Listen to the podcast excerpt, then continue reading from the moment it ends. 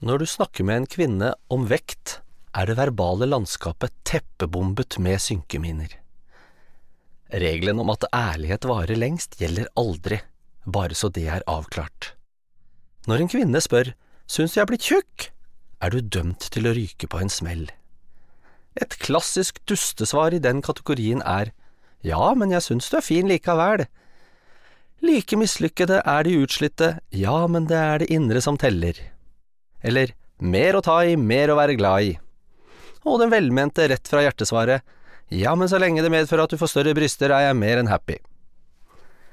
Prøv gjerne på den gjennomkloke, analytiske, ja, du er blitt tjukkere med åra, men det er vanlig for kvinner, og å foretrekke framfor at du er blitt tynn og skranten.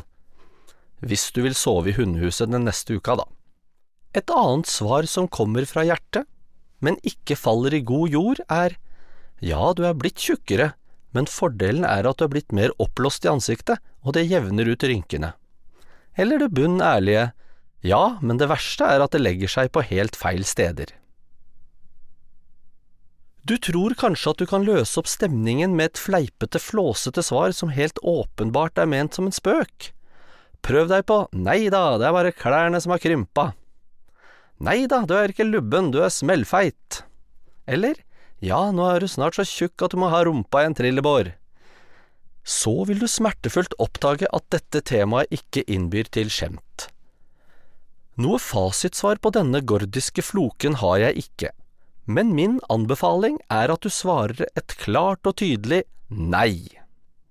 Nei, du har ikke blitt tjukk.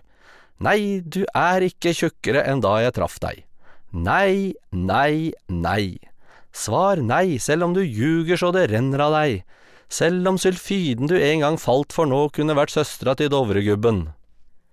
Det spiller uansett ingen rolle hva du svarer, for hun har egentlig ikke spurt deg om noe som helst. Spørsmålet er i virkeligheten en konklusjon.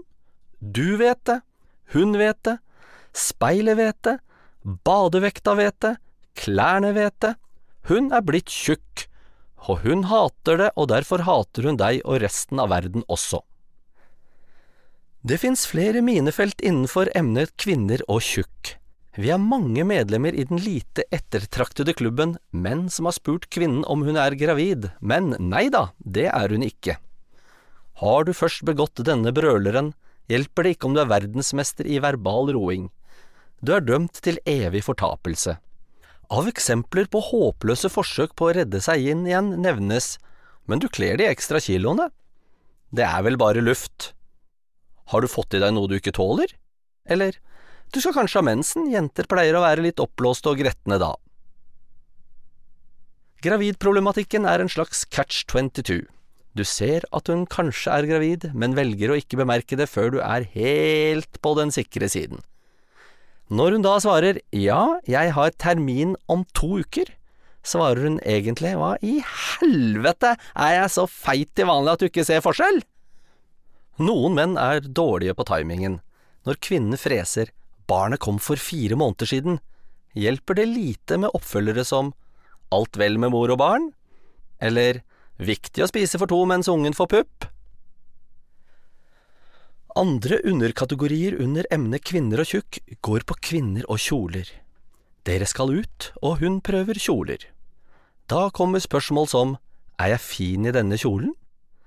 Syns du kjolen er for lang, for trang eller for lang og trang på en gang? Samt selvfølgelig ser jeg tjukk ut i denne kjolen? Her gjelder selvfølgelig samme kjøremønster som under hovedkategorien. Ljug så det renner av deg, Svar utelukkende positivt, og tro ikke at svaret ditt spiller noen rolle. Hun snakker egentlig med seg selv. Og for all del, ikke bli engasjert.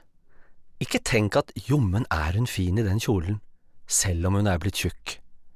Det er uansett ikke den kjolen hun kommer til å ha på seg når dere endelig kommer dere ut døra.